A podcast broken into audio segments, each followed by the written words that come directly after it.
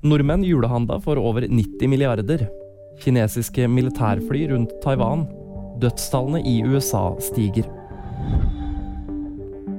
Nordmenn handla til jul som normalt i år, trange økonomiske tider til tross. Nordmenn har ikke stramma inn på julehandelen i 2022. Totalt julehandla vi for 97 milliarder kroner. Til sammenligning handla vi for 91 milliarder kroner i 2019, det siste normalåret før koronapandemien slo til. Det melder NTB.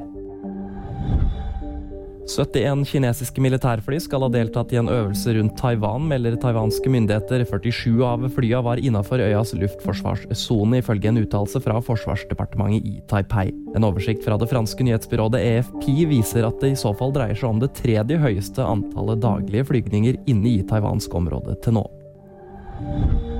Så langt har 30 mennesker mista livet etter vinterstormen i Nord-Amerika. Flere hundre tusen er uten strøm, mens millioner søkte ly for kulda søndag. Flere har blitt innesperra i hjemma og bilene sine. Det er venta at antallet døde vil stige ytterligere. VG-nyheter fikk du av meg, Benjamin Brekken.